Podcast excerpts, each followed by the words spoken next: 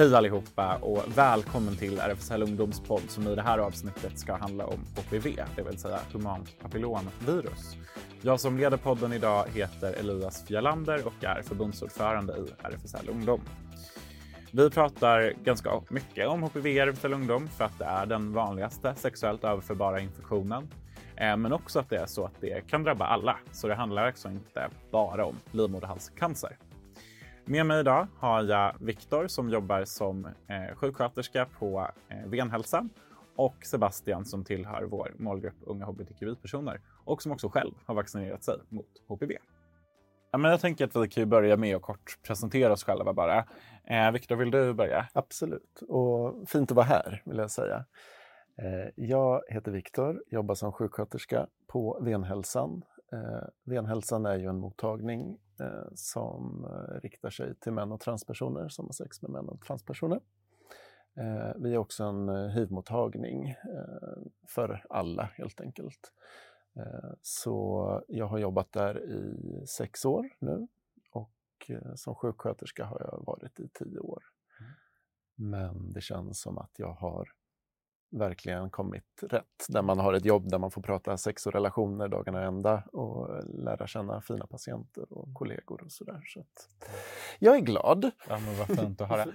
Vad betyder en hiv-mottagning? Vad är det för något? Ja, nej men, jag jobbar som kontaktsköterska mot ungefär 150 personer som lever med hiv. Eh, då kommer man ju träffa mig och sin läkare regelbundet ett par gånger om året. Sådär.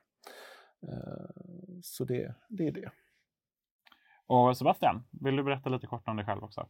Ja, jag heter Sebastian, jag är 25 år, jag har vaccinerat mig mot HPV. Så jag är lite här för att representera målgruppen, mm. eh, killar som ligger med killar eller män som ligger med män. Eh, och fråga frågor, vara nyfiken och få svar.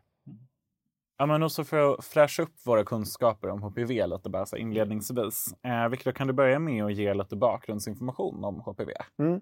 Ja, men du har ju sagt lite, Elias. Eh, HPV står för humant papillomvirus och eh, det är ju ett virus som är väldigt, väldigt vanligt hos oss. Det överförs eh, vid hudkontakt, men kanske allra mest vid sexuell kontakt.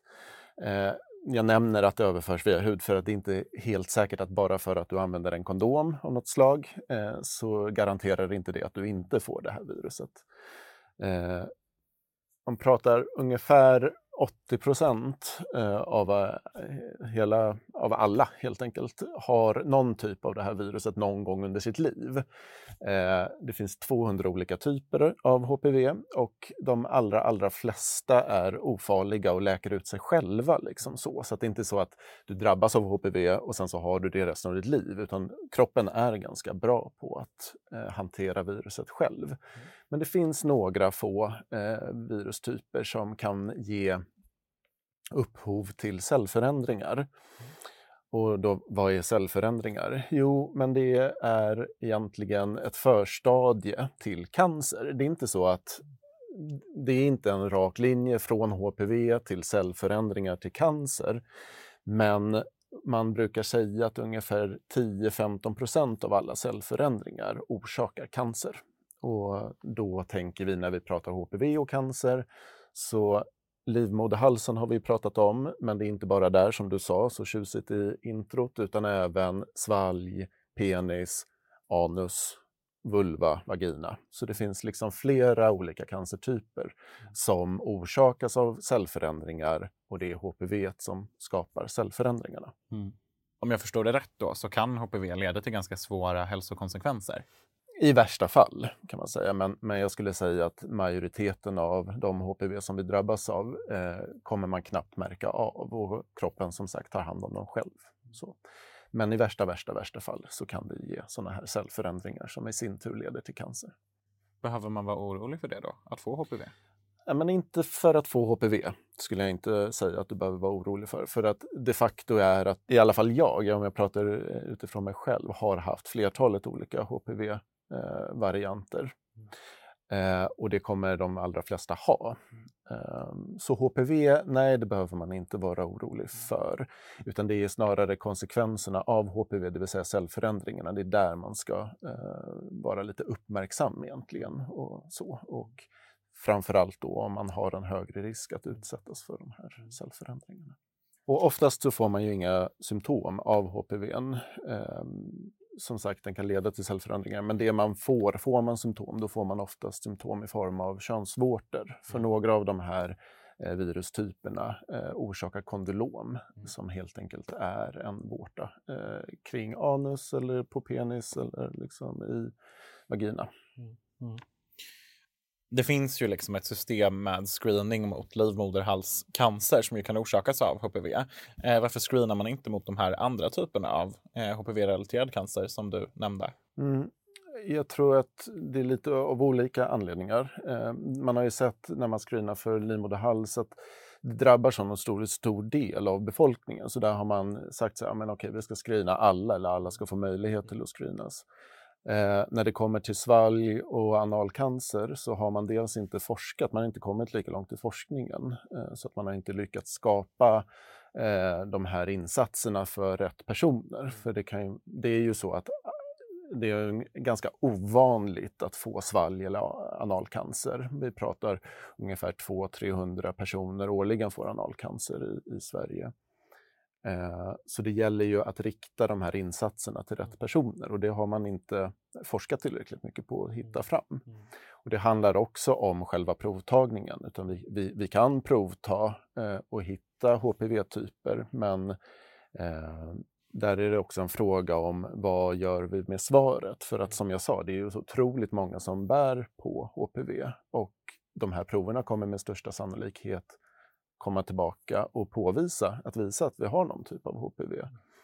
Eh, men sen eh, har vi inte något program mm. att hantera liksom, de svaren. För det är inte säkert att bara för att du har HPV så har du cellförändringar, utan eh, det är snarare det som behövs är kanske mer ett program där vi hittar cellförändringar snarare än HPV. En annan sak som är bra att tänka på eller ha med sig, det är att majoriteten av HPV orsakar ju inga symptom. Jag har pratat om det här med könsvårtor och det är en sån otroligt liten andel av viruset som orsakar könsvårtor. Så att, eh, att ha med sig att man kan bära på det här utan att ens märka av det.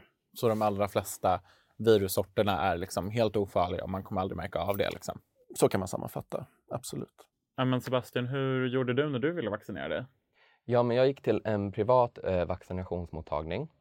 Eh, man kan gå till ett apotek eh, för drop-in-mottagning. Det finns olika möjligheter. Tycker du att det här är något som pratas om i gay-communityt och varför och varför inte? Är det något liksom du pratar om med dina vänner och så? Mm.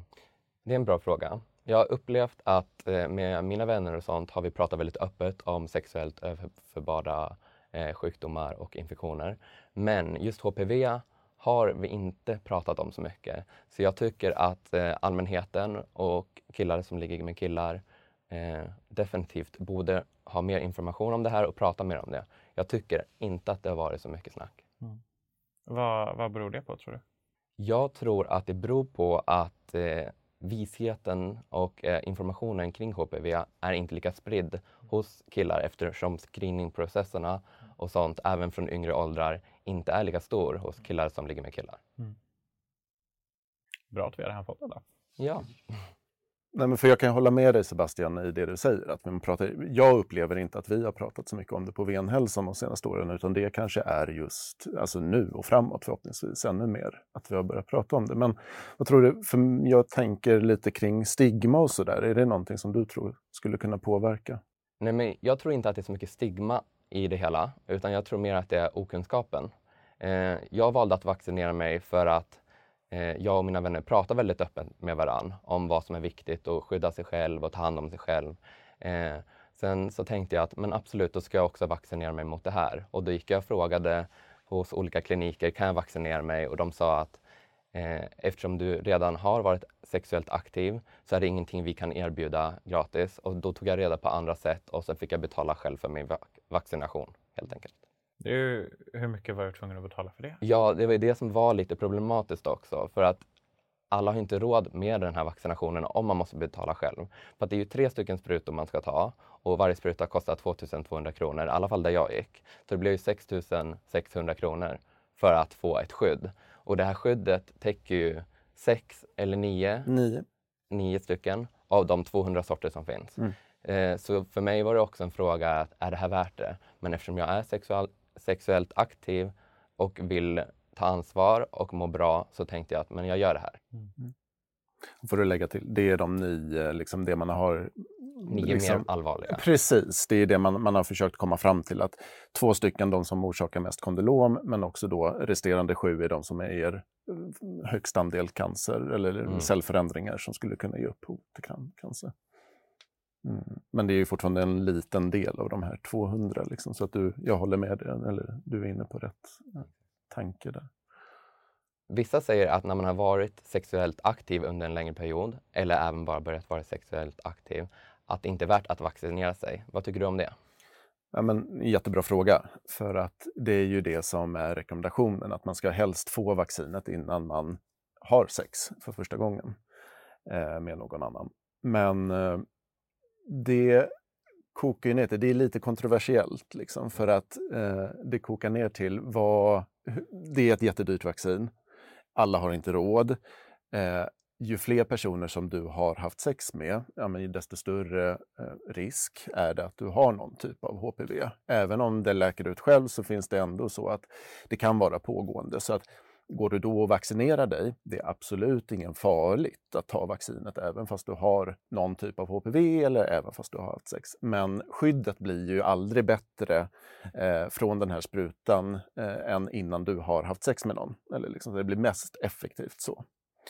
Eh, med det sagt så tycker jag ju att det är en självklarhet. Har man pengarna, eh, gå och vaccinera dig. Eh, man ser, speciellt om du är, du är ju inte du är inte lastgammal tänkte jag säga, men du, du, är ju så pass ung så att i ditt fall, om vi nu använder dig som exempel, liksom, så tycker jag det är helt rätt att välja att gå och vaccinera sig. Men då återigen, 6 500 kronor, det är inte alla som har det.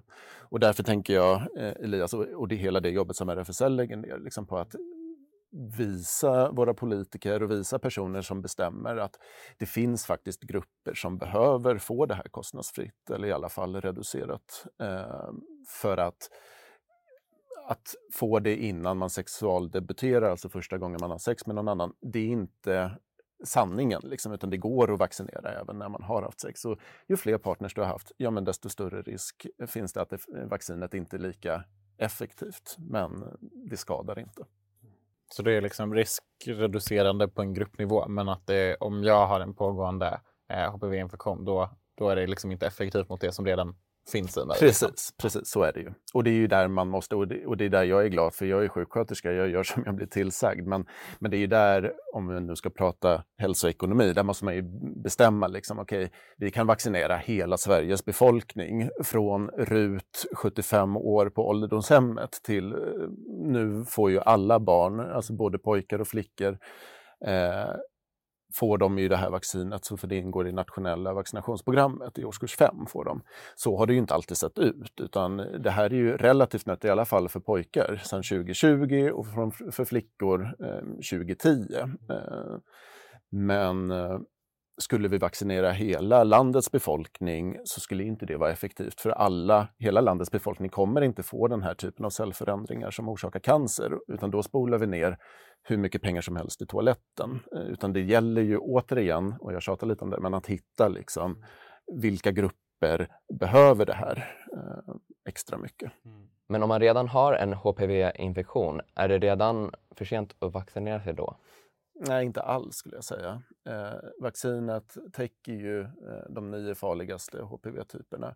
Och har du en av dem, ja men då får du ju fortfarande skydd för de andra. Liksom så. så att eh, det där är ju därför man vill gärna vaccinera innan man har sex. Men är det så att man har haft sex så är det absolut inte för sent på något sätt, utan det ger fortfarande ett gott skydd.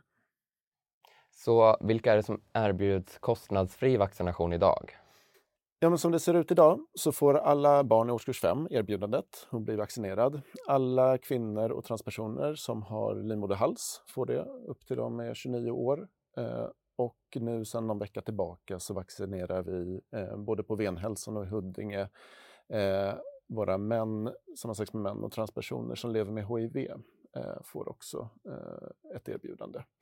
Och den sista gruppen, det är mycket tack vare den här rapporten som RFSL Ungdom, nu tittar jag på dig men som, som ni gav ut i somras.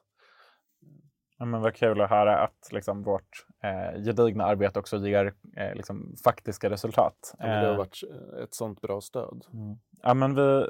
Tack, vad fint att höra.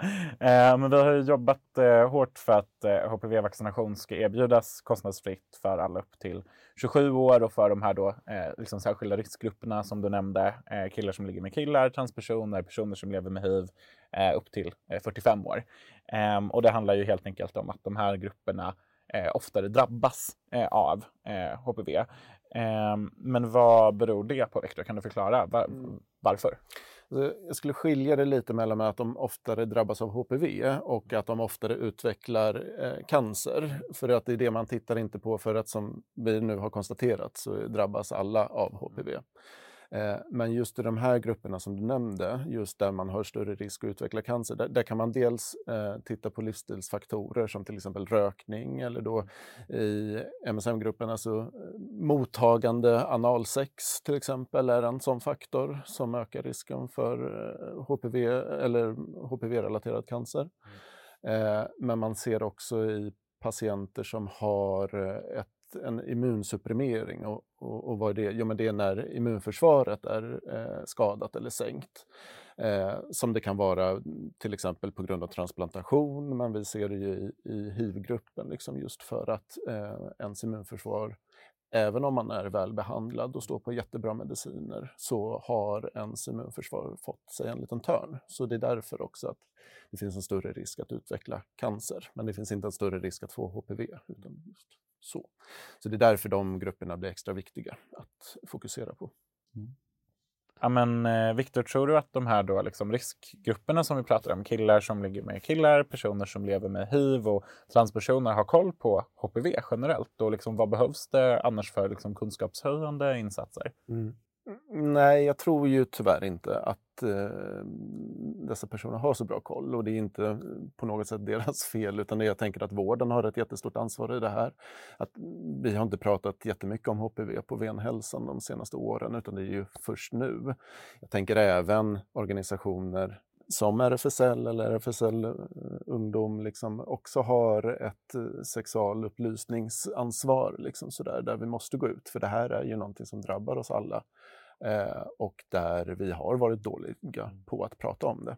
Sebastian, delar du den liksom, bilden om kunskapsläget om HPV?